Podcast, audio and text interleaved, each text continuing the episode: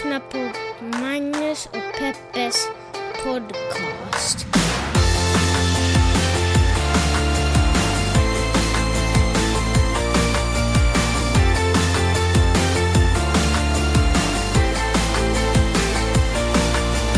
–2019! Hjärtligt välkomna till podcasten som heter Magnus och Peppes podcast. En podcast som pratar om de stora och de små händelserna runt omkring i världen och dig.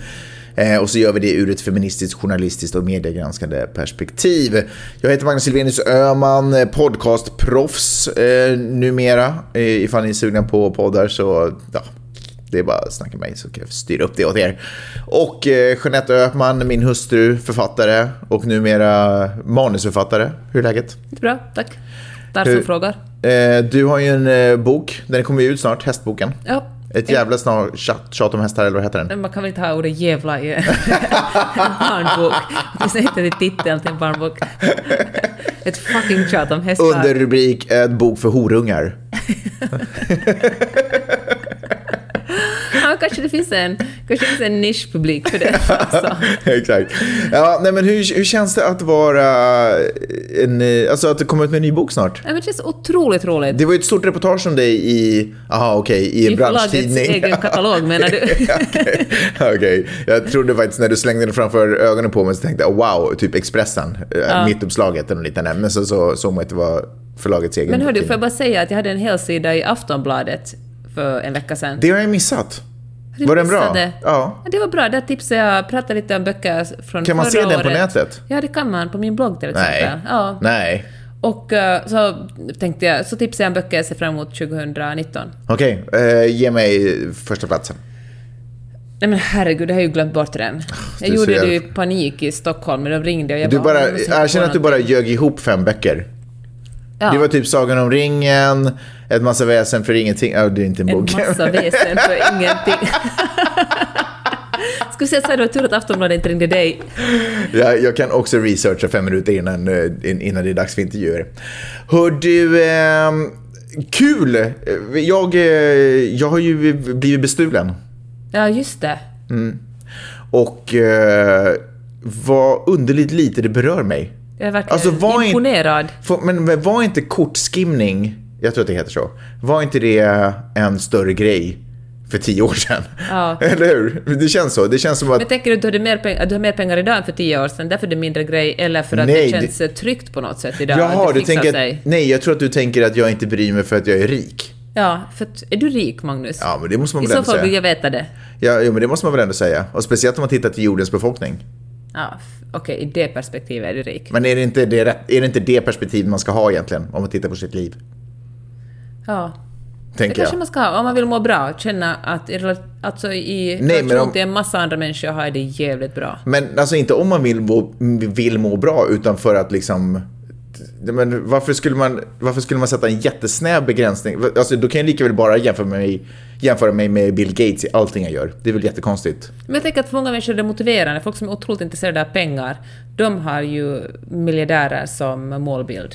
Anywho's, eh, nej, det är inte för att jag är rik som det inte står, men utan bara för att vi, vi lever ju i en värld där vi köper saker över nätet med kort och hela tiden och man drar det till höger och vänster. Ba- Och bank, alltså jag vet inte, det bara känns Sen som... tillbringar du bara fyra timmar idag med att ringa till banken. Ja, okej, men det var också lite för att jag la på varenda gång de ringde. Jag, jag lyckades alltid Du trycka, ghostade banken. jag lyckades alltid trycka på fel knapp när jag skulle... äh, Ja, men det är komplicerat med mobiltelefoner. Men återigen, känner, om, du, om ditt kort skulle bli skimmat, skulle du bara så här...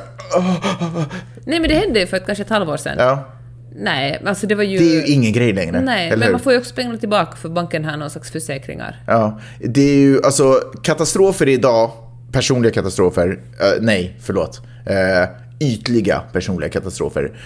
Det är ju inte ens att tappa telefonen. För allting är ju typ i clouden, så man får en ny telefon och så bom så har man alla saker. Alltså, det, det- det måste man ju ändå säga. Hur man än tycker om eh, livet och världen och så, så mängden katastrofer minimeras ju. Alltså, Hej, Hans Rosling. Nej, men eh, inte ens plånboken. Jaha, så då spärrar jag. Lägget är lite jobbigt att bli av med. pass vill man ju inte heller förlora. Nej. Sådana saker som Sitt barn. som gör, ja förstås, men sådana saker som gör myndigheter nervösa. För när myndigheter blir nervösa då kan man hamna i Kafka. Liksom. Då är man ju i en Kafka-situation. Har du tänkt på att ungefär en gång i månaden tappar vi bort Maj-Lis för en kort, kort stund så att ens hjärta hinner hoppa över ett slag och sen dyker hon upp igen?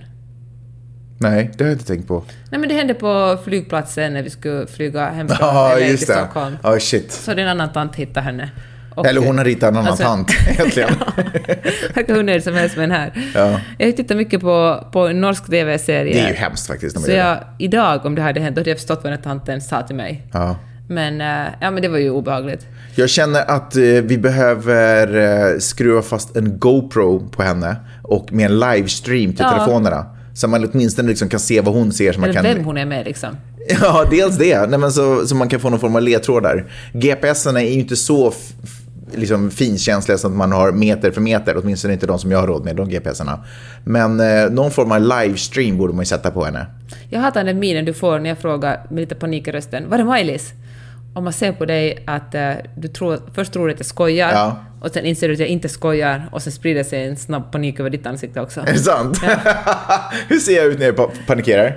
Ja men, eh, ja, men du får, en, du får en, en viss sorts blick, en stirrig blick när du panikerar. Det, men du känner inte att åh, nu blir Magnus fokuserad? Nej, jag känner så att det är liksom alla de små gubbarna i din hjärna bara springer omkring och gallskriker. Annars har det varit lugnt förutom att det brann i gränden här för några dagar sedan. Läskigt med den branden var att den blev superhög supersnabbt. Det var en, eh, alltså en, eh, vad heter det, sopkorg, eh, nej vad heter det? Soptunna. Ja, soptunna som någon hade fjuttat eld på, en pyroman. För det hade hänt upp för några kvarter också. Pyromanen hade kommit till vårt kvarter, satt en eldgrej i soptunnan, vom. Hade tagit tag i grannens bambuträd som är säkert 10 meter, inte jag, 10-15 meter höga kändes det som. Och så bara elden, ljusan låga, verkligen. Eh, men eh, ni känner ju oss. Vi är inte de som sitter på våra tummar, eh, om det är ett uttryck. Utan vi tog en bar och eller alltså stora hinkar och allting vi hittade och så sprang vi ut och släckte elden. Med lite hjälp av grannar. Det är värt att veta också att jag hade bar överkropp, barfota. Var, För er som vill föreställa er det här ja, scenariot. Mörkt, elden slickade. Spegla sig Ja. mot svetten på din kropp. Sexigt ögonblick, kul att känna att man var lite hjälte. Och sen så när jag, för jag vill inte vara den som klappar mig själv på bröstet alldeles för mycket, för det är liksom inte riktigt i min natur. Men Verkligen inte. vi, du och jag var ju de som ändå släckte mest. Eller hur? Tack för att jag också blir inkluderad. Den Jo, första för versionen var- blev jag verkligen inte inkluderad Nej. Nej, men för, för du och jag jobbade ju som ett team. För när Ja. jag slängde ut ena, tömde den ena, så du slängde upp den på balkongen och så kunde du fylla på den med kranen vi har där och så höll du på så som en liten mini, en miniled. Ja. Eh, en minilänk eller vad det heter. Eh, men eh, vi, och vi gjorde ju mest, eller hur? Och då kändes det ju extra bra sen när grannarna efter var så här, oh thank you, good job, bra. Det kändes som att jag... Vi förtjänar vår plats här Mm. i huset liksom. Ja, jag tror att det där kan bli en film. Det var lite ett sånt moment. Var, jag känner att synd att det inte var någon Hollywood-regissör eller någonting som bor här i, i huset också. För jag tror att där hade han nog blivit, eller hen. Vem skulle spela dig då? Eh, vem som spelar mig? Oj, bra fråga. Det finns ju så många. Jag tror kanske... Tänker Ryan Gosling Nej, kanske? jag tänker kanske typ The Rock. Är inte jag mest... Det var faktiskt det jag tänkte också, The Rock. Vem skulle spela dig? Uh, ah. Meryl Streep. Ja, det får bli Meryl Streep. Okej, över till eh, nyheter. Louis CK är i hetluften igen. Och jag tycker vi börjar med att lyssna på ett ljudklipp om vad han har skojat om. They testify in front of Congress, these kids? Like, what the f- What are you doing? You're young. You should be crazy. You should be unhinged. Not in a suit saying, I'm here to tell f- you. You're not interesting. Because you went to a high school where kids got shot? Why does that mean I have to listen to you? How does that make you interesting? You didn't get shot. You pushed some fat kid in the way. And now I gotta listen to you talking? Ja, han har alltså skojat om eh, Parkland High-överlevare, barn som överlevde skolskjutningen i Florida, och tycker att de är töntiga och präktiga. Dagens ungdom är präktig, det är liksom punchlinen. Och så skojar han också om eh, hbtqi-personer och typ varför kan inte flickor vara pojkar och punkt slut. Lite som du Magnus. Jag skojar. Skoja, hashtag skoja.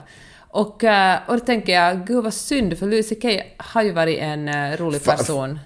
Eh, Vänta, får jag bara säga Aha, en mm. sak? Och det är att jag, jag verkar inte sådär förfasad. Liksom usch, hur kan han skoja om något sånt här? För det är, ju- det är, ju- man ska väl kunna skoja om allt, vitsen är fri. Men, eh, men jag känner att han är kanske inte rätt person att göra det. Han är liksom inte...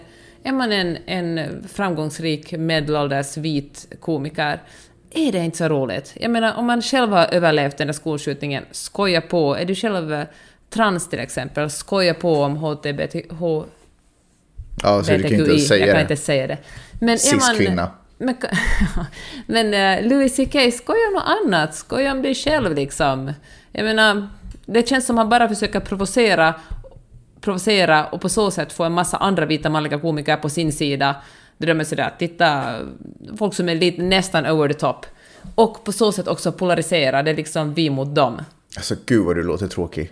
Ja men sån är jag Magnus, jag är tråkig. Nej men alltså, för det första... The joke is on you som gifte, sig med, som gifte dig med mig. Nej, men för det första så, men det är som att du liksom, det ska jagas och letas efter problem och, och det här är, är det här fel? Ja, det här är nog fel. Varför är det fel? Nej, jag jag, kommer inte på något annat anledning än att, ah, det är en snubbe Nej, i vet du vad? medelåldern. Jag kan faktiskt också störa mig på det där, att, att allt är så otroligt polariserat, att man, att man hela tiden vill missförstå, förstå det på det, på det sämsta sättet. Men jag tänker bara att Louis CK är ju en rolig person. Det finns roligare saker att, Ja, men- att skoja om än att ungdomen är tråkig. Det, det känns verkligen... Jag tror att han, han verkar vara en ganska smart person också. Jag tror faktiskt att det här är en, en helt medveten provokation. Jag tror inte ens att det här är en provokation. Jag tror att det här är, är ett skämt där han eh, ironiserar nästan lite över, alltså whatever vad jag tror. Det här är, tycker jag är lite skillnaden mellan hur jag tyckte att det en gång var i tiden.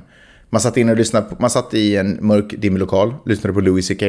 Han drog skämt som var så här, men gud det här är inte alls passande, det här är inte alls roligt. Då reste man sig upp och så drog man.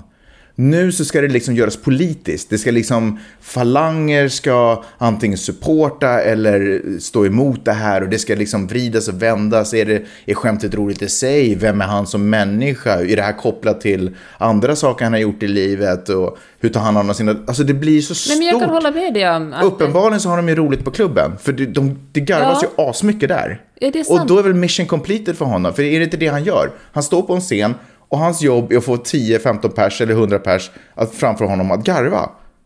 Han gör väl sitt jobb. Liksom. Men herregud, det är väl ändå fritt att kritisera det ändå, Det är diskutera att det. Det är ju inte någon censur för att man säger att det Nej. här passar, det här är roligt. Sen får folk tycka vad de vill. Uppenbarligen tycker folk att det är roligt, andra tycker att det är inte så roligt. För jag tycker själv att det är, alltså, det är bara... Ja, men det är sorgligt att någon som var så rolig nu drar...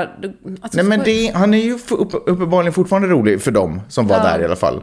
Och du hade säkert också garvat om du hade suttit där, för det är så mycket annat som gör humorn också. Ja, men det är ju det. Man sitter ju där och, och, och vill garva, så Precis. man liksom har satt i garvväxeln.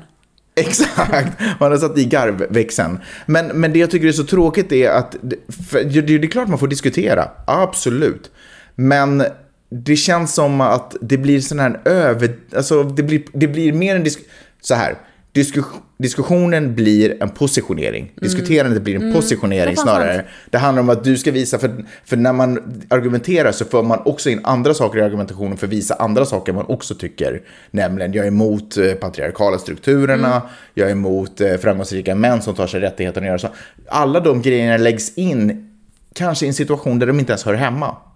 Men det är en del av positioneringen Fast i... de kanske hör hemma där. Det är Kanske. alltså, när man Men jag tror nyckelordet är kanske. är det ju intressant. Ja, men, och då måste man ju få experimentera sina tankar och sina analyser. Man kan inte bara säga att oh, nu är jag inte säker på att det här hemma här, så nu håller jag käft. Istället kanske man borde bara...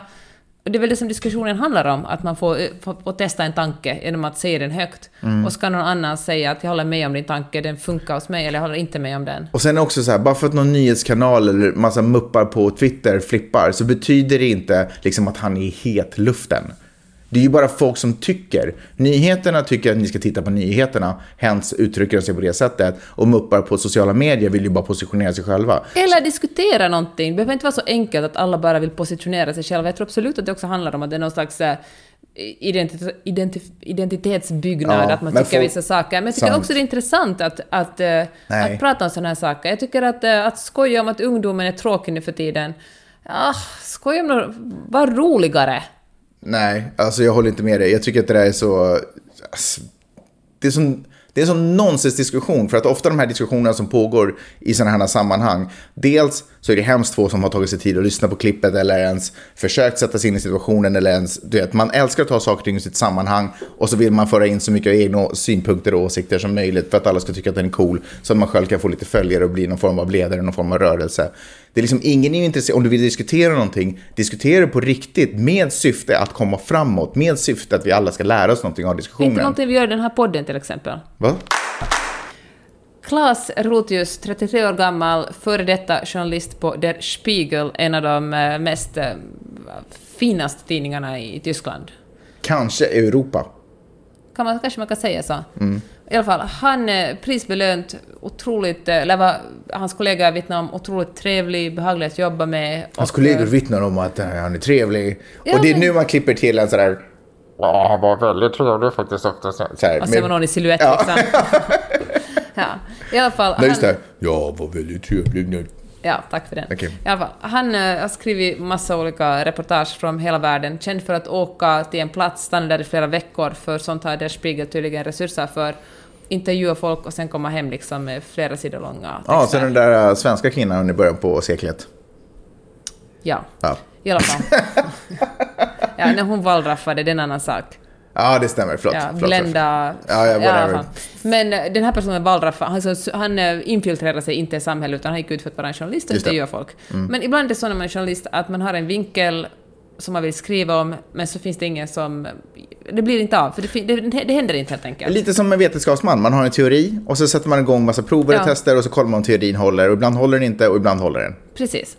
Och, men istället för att säga fan det här funkar inte, så bestämde sig den här journalisten för att det kunde funka, och så hittade han på intervjusvar.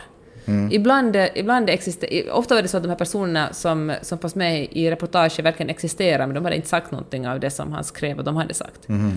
Och eh, han gjorde eh, bland annat en... eh, han bodde flera veckor i ett litet samhälle någonstans i, mitt i USA, där han skrev om hur det här samhället var abortmotståndare, hur mycket de älskade Trump och vilka liksom rednecks de var. Han använde inte det ordet, men i alla fall.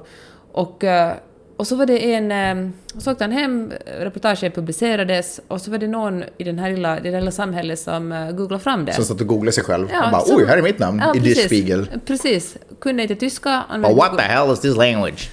översatte, Google translateade och var sådär Mm. att men herregud, det enda som stämmer med den här, det här reportaget är antalet invånare i vårt lilla samhälle och namnet på det. Och typ bilden är på mig. Hittepå, precis. Mm. Hörde av sig på Twitter till chefredaktören och sa att vad är det här för lögner ni publicerar, fick aldrig svar. Och uh, medan den här journalisten fortsatte jobba. Gjorde också ett reportage från eh, gränsen till Mexiko på USAs sida. Där intervjuade en massa folk och fick otroligt bra svar. Men då hade han en kollega med sig som jobbar på den mexikanska sidan. Tanken var att de skulle göra ett reportage så att han jobbar på den amerikanska sidan och kollegan jobbar på den mexikanska sidan och sen skulle de på något sätt kombinera de här reportagen. Och den här kollegan var otroligt imponerad och lite skeptisk till att man kunde få så otroligt bra historier och svar. Så att han eh, åkte över till den amerikanska sidan och när han, efter, när han läste reportaget och letade upp alla personer som figurerar i, det, i den här artikeln och frågade dem hej, har ni sagt så här? Hej, ni figurerar, du figurerar i den här texten, har du verkligen sagt det här? Och alla de människorna sa nej.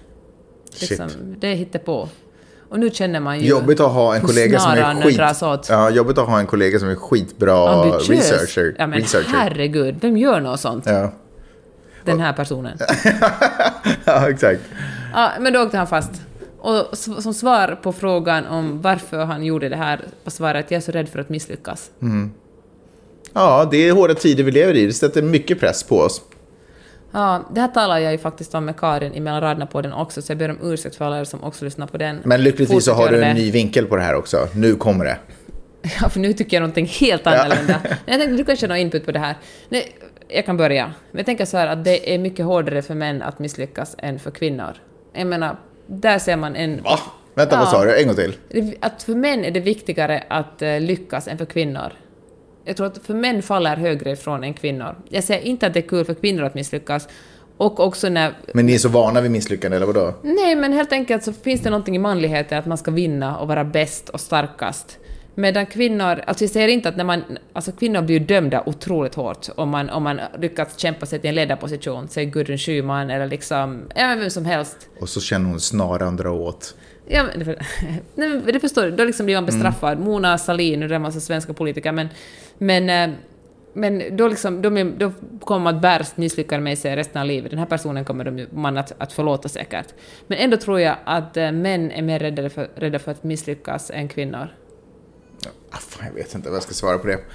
Eh, alltså, rötägg finns väl, det finns ju läkare som mördar också. Det är ju också rakt emot etiken. Det finns, alltså, Du säger, du menar det? ja, men, ja, men att det är oetiskt av en läkare att mörda? Nej, men jag bara menar att det finns ju rötägg inom Ja, alla... Fast jag tycker att problemet med journalistiken är det att eh, eftersom eh, folk i dessa tider annars också misstänkliggör journalistik, folk vet liksom inte skillnad på vad som är ett YouTube-klipp och vad som är en, en ansedd eh, dagstidning. Mm. Och om det kommer fram att det finns sådana humbugjournalister så, så tror jag inte att de blir liksom mindre des desillusionerade. Mm.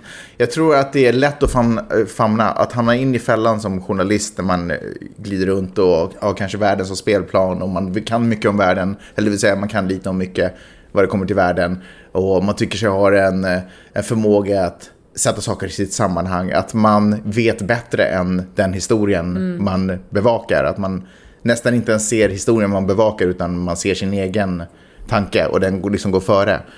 Eh, så jag tror att det är väldigt lätt att bli, alltså det är en form av maktfullkomlighet, att man blir maktgalen i det ögonblicket, fast på ett annat sätt. Och jag kan förstå att det är förföriskt också att vara den där den journalisten som alla vänder sig mot och uh, jag menar att vara så hyllad. Det är klart man vill ha mera, mera hyll. Mer hyll. Ja, eh, men var, var är han nu då? Är han på tjänstledigt? Ja, han, han, jag, tror att han, jag vet faktiskt inte, jag antar att han har fått sparken. Han har också sagt att han är sjuk, att det är en sjukdom han har. Och, eh, Mytomani liksom då, eller vadå? ja, det är svårt att börja liksom analysera folks hjärnor. Men eh, ja, han mår ju säkert inte jättebra just nu. Nej. Men han är... Våra tankar går ut till honom. Nej, det gör det faktiskt inte. Och Dessutom, jag säga, han är 33 år gammal, han är vit man, det kommer att gå superbra för honom. Han kommer att komma. Han kommer att skriva en bok om det här. Ja. Som blir super... Det kommer ju garanterat bli en film. Ja. Så att, uh, grattis, good luck liksom. Som eh, B.I.G. sa, last night took a ill but tonight I bounce back. Hörde du om den norska storbloggerskan som eh, ammade två barn samtidigt och publicerade det på sin blogg? Nej. Eh, ja, det var en norsk storbloggerska som ammade två barn samtidigt. Tack för att du klargjorde det.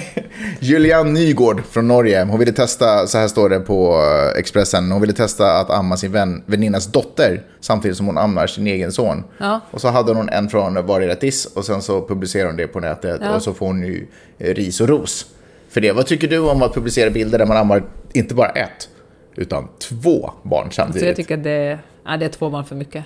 Men, Nej men jag skojar, du, du lyssnade inte ens på vad jag sa. Jo, jo. Nej jag tycker att, men herregud, det är klart hon ska amma de där barnen. Nej, men varför ska hon amma två barn samtidigt och publicera det på nätet? Varför inte? Nej, men varför? För att eh, tydligen så är det någonting som provocerar folk, kanske bara spräcka normen kring amning. Ja, för folk som- ska få amma hur mycket eller hur lite och hur många barn de vill. Punkt Till- slut. Så till så- enkelt är det. Fråga två. Är det fräscht att amma någon annans barn? Ja, det är det Magnus. Är det det?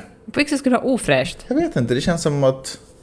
Alltså, Ja, men man... fortsätt. Varför skulle det vara ofräscht? Jag vet inte, är det ofräscht? Hmm. Jag tänker för barnets skull.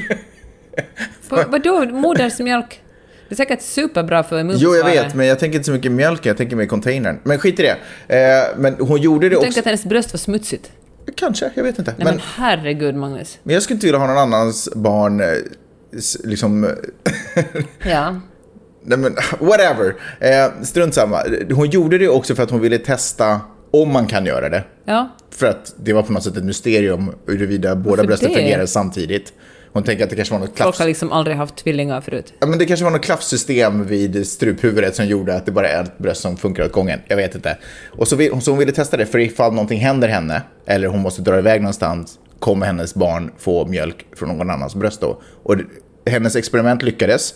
Det, det är fullt möjligt. Men förstår du vad jag menar? Hela den här grejen är så konstig och så idiotisk. Så varför, och samtidigt också... Varför, Varför är den konstig och idiotisk alltså? Okej, det, Nej men för det första, vad är det för test? Det, det är väl okej, självklart? det är ett idiotiskt test. Det är väl supersjälvklart? Det kan ju vara ett sätt att få med läsare till bloggen. Jag tänker nästan det, Peppe. Jag tror du slog huvudet på spiken där. Men hör du, men samtidigt... Och vet du vad som är fräckt med det? No. Därför att du har ju rätt i vad du säger. Det finns ju en kamp att föra här. Du vet, Ja. kvinnors r- rätt att göra naturliga saker. I, Ja. Sådär. Utan att de ska måste strida den kampen fortfarande. Exakt. Men när folk för... När folk använder den kampen för sina egna idiotiska och cyniska Mm. syften. Förstår du vad jag menar? Du menar så att hon man använder k- sig av kvinnokampen för fler Ja, för man kan ju inte skjuta på henne för det här. För då det- är det som att då skjuter man på den här bröstgrejen. Men man skjuter inte kanske alltid, man kanske inte vill skjuta på den för bröstgrejen, utan man vill skjuta på henne för att varför gör du den här idiotiska grejen som Nej, alla det vet kan man funkar? strunta i. Man behöver inte, ens åsikt behöver inte nå henne. Man behöver inte skjuta på henne alls. Men vänta, som med Louis CK? Men det är väl en annan sak att Nej, men man får väl diskutera saker och reda ut om det är bra Ja, eller men det kan vi göra i den här podden, men du behöver som inte skjuta på henne för den sakens skull. Nej, du men behöver det- som inte gå in och hata på henne. Nej, nej, nej, nej, absolut Tvärtom inte. kan vi göra någonting gott av det och diskutera och säga att visst är det bra att kvinnor kan amma flera barn och eh, hur länge eller inte alls om de vill. Ja, den här diskussionen tog inte alls det fyr som jag hade hoppats på. Eh, ja, men du har säkert någonting annat att prata om. Japp. Då kör vi. När CD-skivan försvann tänkte man kanske inte då att gud vad klimatsmart det är. Men nu i efterhand är man sådär att gud vad bra med elektronisk musik istället för att ha en massa... Förutom att det inte är så klimatsmart heller, har jag förstått. Ah, ja, alla, jag tänker på alla servrar som Ja, drar en sen ligger massa... det. Ja. Men i alla fall ligger de servrarna inte ute i naturen och skräpar, de har tröttnat på dem. Men de är inte Än. heller gjorda av eh, återvunnet eh, trä från Jokkmokk. Än. Än. i alla fall. Nu, men eftersom också musiker vill eh, försörja sig på något sätt så är det lätt att de åker ut och spelar för folk på Superbra. konserter. För det är ju ändå konserterna. Förut var det ju bara studiomusiker och så köpte man eh, skivor bara utan kärlek. Men det visar sig att det här inte är så bra för klimatet för att eh, folk reser härsan och tvärsan för att se artisterna. Artisterna reser runt och det är inte så att de sitter på, på en eh, vanlig economy seat i Norwegian utan... Är det mer ekologiskt? Economy? Ja, det är faktiskt det. Nej. Ja, för då tar man ut mindre plats än om man sitter på en i business eller premium eller vad det nu heter. Okej, Ja. fortsätt. Och, eh, och speciellt är det Men tänk allt plast som vi serveras i economy. Och alltihopa. Det kan, alltså där får vi ju all skiten. Skit Ja. är ju sällan ekologiskt. Ja, Eller ja. i alla fall, vi kan ta den diskussionen Okej, också. ja.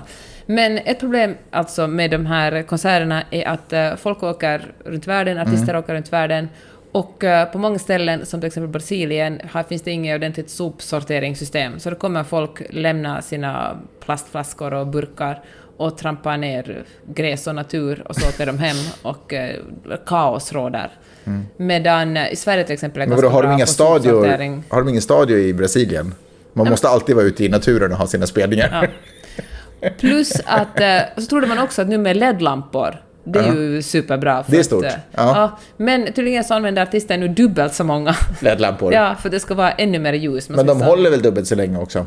Ja, men det är tydligen inte ens... Det ändå liksom går otroligt mycket energi och det, blir, det har liksom inte sparat in så mycket på Nej. energin som man hade hoppats på. Och... eh, För showerna måste vara större nu eftersom man är mer, som artist är man mer beroende av dem. Ja, men tydligen är Ja, det så. ja, jag ser det. tio år sedan, 20, redan 2009, då talade man om det här, för då skulle U2 ut på en, eh, en eh, turné. Och då räknar man att eh, om de flög från Dublin Mm. till London, skulle det vara samma sak som 90 000 personer skulle gjort samma flygresa. Eftersom ja, det var liksom samma klimatavtryck, eller liksom koldioxidavtryck som Mm. Fattar. U2 gjorde. Så det är... Och de är ändå ett ekologiskt band skulle jag på säga, men de, de, Bono har ju pratat mycket om att krama träd. Snickesnack. Ja, snickesnack om att krama träd och grejer. Ja, money talks sen. Okej, det är i sig tio år sedan. Det, mycket har hänt kanske med Bonos eh, miljömedvetenhet sen dess. Just det.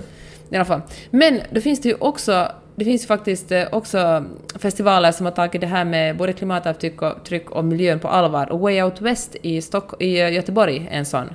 Jag tänkte nästan säga Stockholm. Ja, Gud vad folk skulle bli arga på mig. Ja. Göteborg ska det vara. De började den 2012 med att servera bara vegetarisk mat på festivalen. Och det tycker jag är intressant, för 2012 var det här otroligt provocerande. Jag tror att det var Moderaternas ungdomsorganisation som blev så provocerade så de gick och köpte jättemycket kött. För de tyckte att det in, in, var inkräktade på deras frihet att bara servera veg, liksom vegetarisk mat. Och då tycker jag att det är roligt, för tänk så mycket som har hänt på 20 år. Nu för tiden är ändå det är någorlunda normalt att, eh, att äta vegetariskt, åtminstone uppe i Norden och här i Los Angeles. Så folk blir liksom inte provocerande av... Ja, men kanske de blir det, men inte på samma sätt som då. Ja.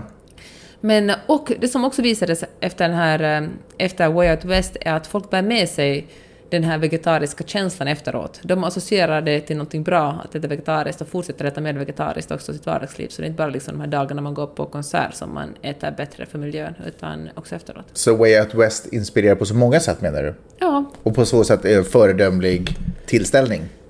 Ja, men det finns bättre och sämre tillställningar om man säger så. Men, eh, men poängen är det här att man kunde kanske tro att då när CD-skivan dog så var det ett framsteg för miljön, men tyvärr är det inte alls så, Magnus. Okej, så du tycker att man ska lägga ner livespelningar eller samla dem i festivaler? Hello! Tycker och tycker. Tycker väl man kan sitta hemma och plinka på sin. Ekologiska gitarr. Nej, det tycker jag inte. Nu tycker jag man kanske kan ställa krav när man ska gå på en konsert. Fråga arrangörerna om de har tänkt, om de har tänkt till. Ett annat problem var också tydligen riders. Men, men, men Som, eh, ställa krav på... Alltså man... Ja, det är så världen fungerar, Magnus. Mhm. Man kan ställa krav, man kan vara sådär att hej, har ni tänkt på det här? Hur klimatvänlig är er festival? Och då kanske arrangörerna får sig en eh, tankeställare. Okej. Ja, det är inte det värsta som kan hända i alla Nej, fall. nej, nej, okej. Ja, men jättebra. Bra att veta. Jag har inte ens tänkt på det. Jag tänker att det är fantastiskt att... Eh, eh, att... Eh, säga? Att eh, artister tjänar så lite på sina skivor så att de tvingas komma ut. För jag tänker att det är ju ändå live som är... Man ser artisten Mm. på något sätt. Så jag tänkte att det här var en positiv sak. Jag tycker inte man ska förbjuda livekonserter alltså. Nej. Men jag tycker att de kan göras miljövänligare. Ja, där hade vi det. Klar sak. Eh, Och som, som du sa, det mest miljövänliga är väl att man bara köper en egen gitarr. Eh, kanske spelar in det på video och tittar på. Ladda inte upp det någonstans, men liksom bara titta på det på din telefon sen. Skriv någon bra låt också, tre. Kongressledarmoten Alexandria Ocasio-Cortez, New York. Mm, vi talade om henne förra veckan. Yngsta, Mm, 29 år gammal. 29 år gammal. Där är hon. Eh, blev ju slammad av en eh, höger... Har vi pratat om det här förra veckan? Nej, men blev hon det? Vadå? Men fortsätt. Blev ju slammad av en högertidning. eh, För de hade grävt fram en, en gammal film på henne när hon pluggade. Där hon, eh, vad heter den där klassiska film, filmen, dansfilmen? Flashdance. Flashdance, precis. Där hon på taket av en byggnad gör en Flashdance dansscen, typ så.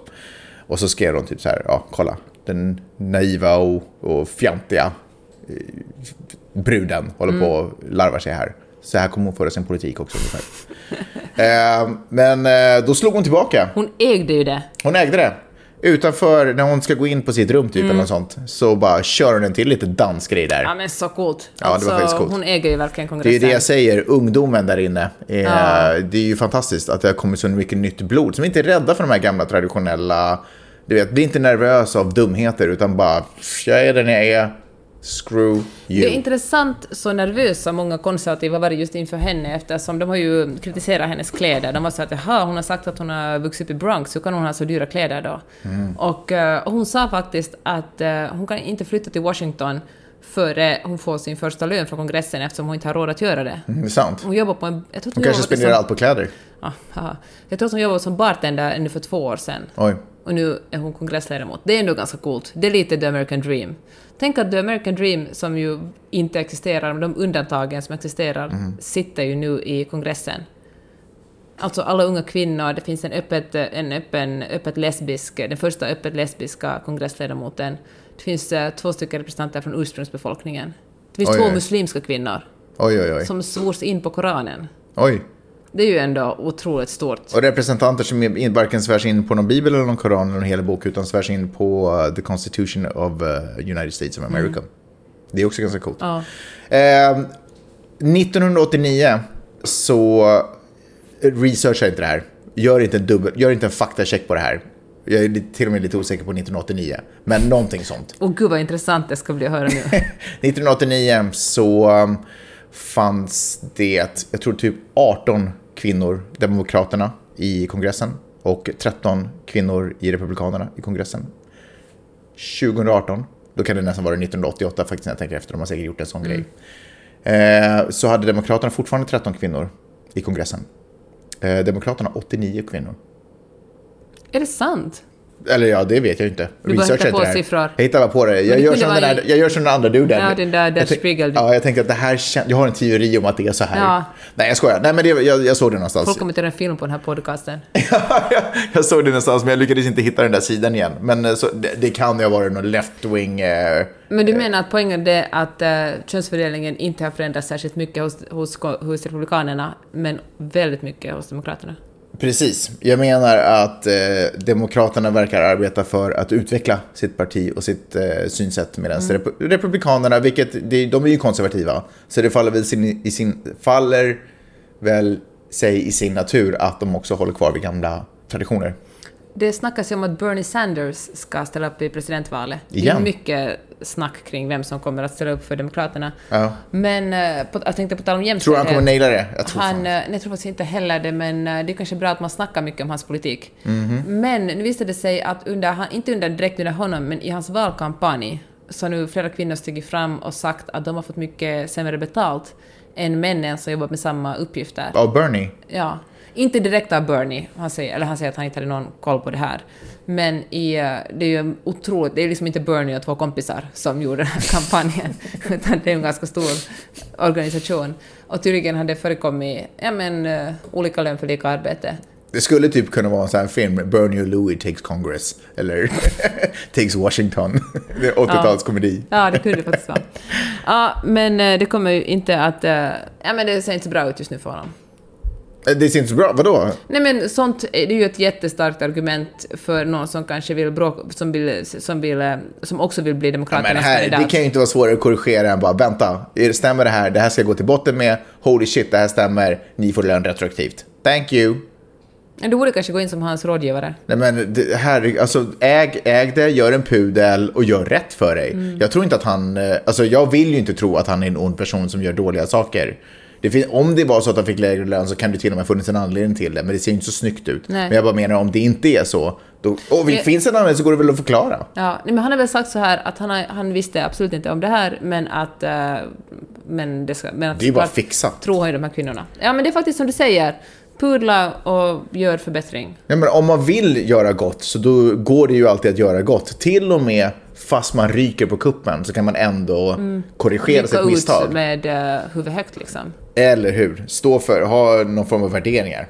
Men, men det ska jag faktiskt, apropå den här Cortez-tjejen, så det skulle jag faktiskt säga att jag tycker det är så, det ger hopp om livet.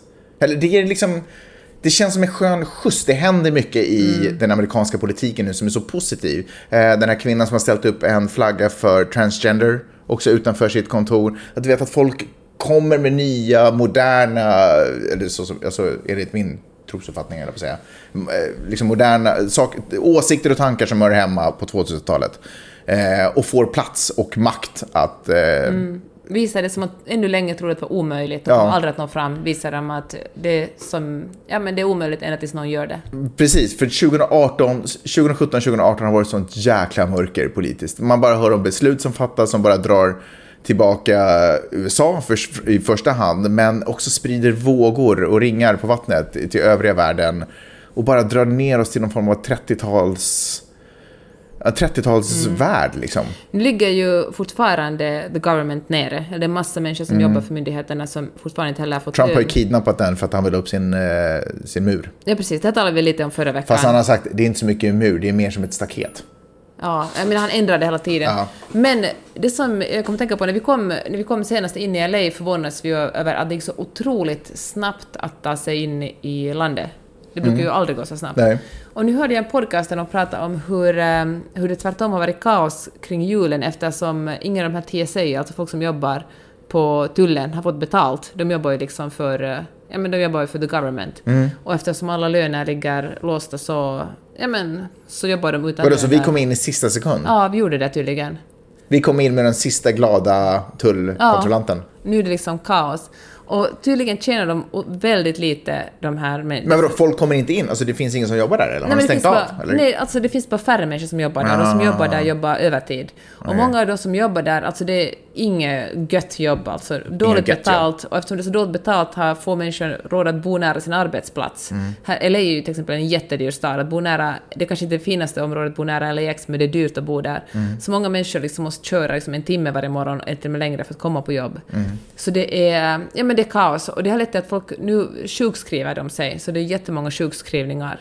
Så det verkar en, eh, de senaste veckorna varit, inte varit så... Fan, jag ska göra kanske en tur och retur till Sverige i februari. Hoppas det löser sig innan dess. Ja, Eller det är dess. ju det det handlar om, Magnus. Det ska Ja. otroligt synd om dig om du skulle få det jobbigt. Förlåt, nu känns det som att vi håller på att skutta från ämne till ämne här nu. Eh, Men jag skulle ändå vilja bara vilja flika till en sak till nu när du ändå inspirerar mig att prata om deras löner. Mm. Eh, Så fick vi ju höra på en tillställning här nyligen att polisen i, i, i LA, i Kalifornien, tjänar typ 3 miljoner kronor om året. Santa Monica var det. Nej, fast det är tydligen kalifornisk lag. Jaha. Eh, Så det, det, Ja. den, den, ser- det ser ju typ ut så i Kalifornien. 3 miljoner kronor om året. Holy smokes! Jag säger inte att de typ inte förtjänar det. Det finns ju andra som också förtjänar så. Bibliotekarier också. Alla så här typ statsan- statsanställda eh, tjänar helt sinnessjuka pengar. What the F? Jag blir helt chockad. Eh, jag vet inte. Det känns verkligen väldigt o-USA. Men de är otroligt kritiserade för det går en jättestor del av budgeten till jättehöga löner. Så Mm. men det är inte politiskt ju... attraktivt att göra någonting åt det. Exakt. För alla vill ha polisväsende. Skitsamma, det var lite det om det. Eh, bra, tack ska ni ha. Okej, jag tänkte snacka med dig nu. Är du med? Ja, men. Eh, jag är besatt av en musa. Är det sexistiskt att snacka om musar? Va? Varför då? Men jag tänker att eh, stora män som skapar någonting och så ska det finnas en kvinna bredvid dem som bara finns där för att inspirera männen. Jaha, nu tänker du att jag är otrogen, att det här är mitt fina sätt att säga är det sånt på. bryr jag mig verkligen inte om. Nej, men alltså den här musen är inte verklig. Det här är, alltså och egentligen är det inte mus. Men Alltså, själva konceptet, men vi kan ta det... Ja, men det är en väl bara mytolog, inte det en mytologisk varelse typ? Ja, men det betyder inte att det inte skulle vara en patriarkal Nej men herregud, ska vi, vänta nu. Hold your horses.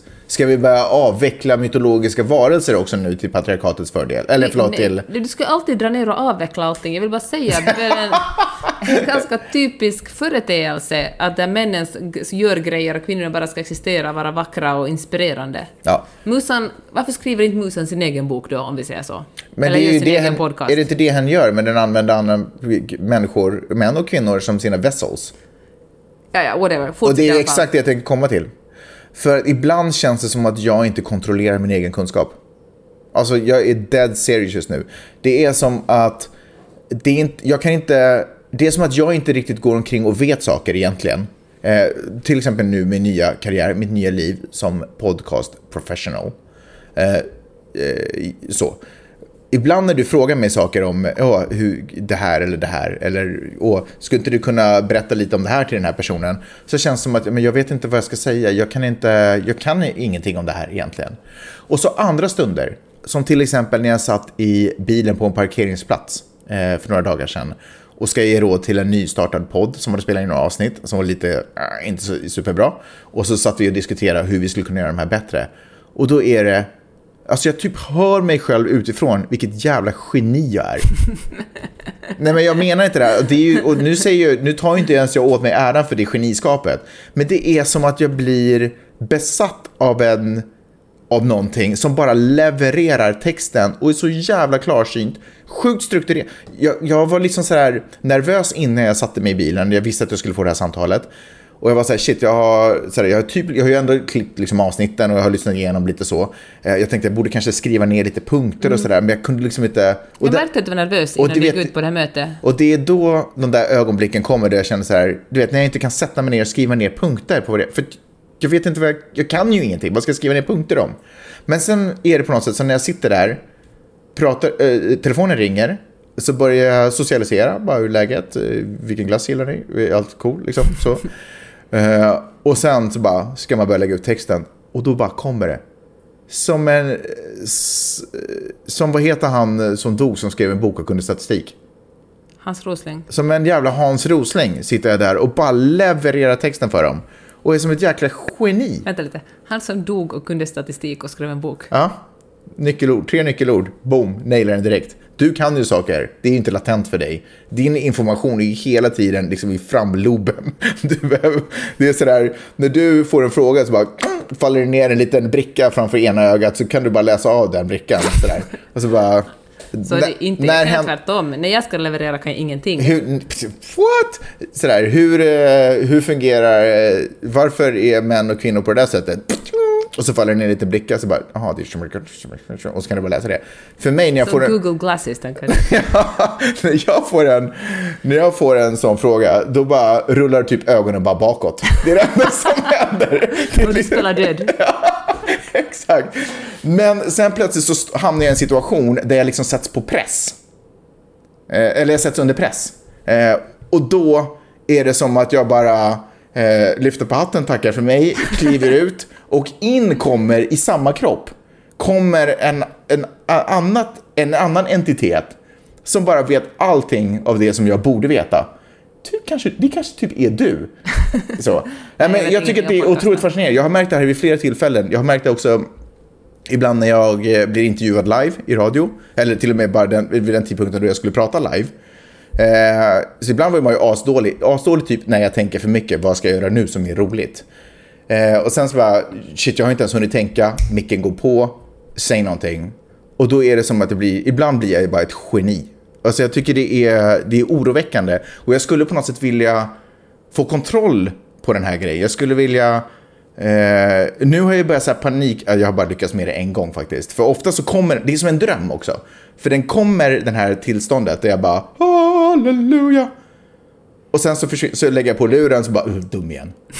Eh, och, då, och då har jag svårt att... Då bara så här, nej, nej, nej, vänta, där var, vad, var det, vad sa jag där nu? Och så försöker jag komma åt dem, men de bara...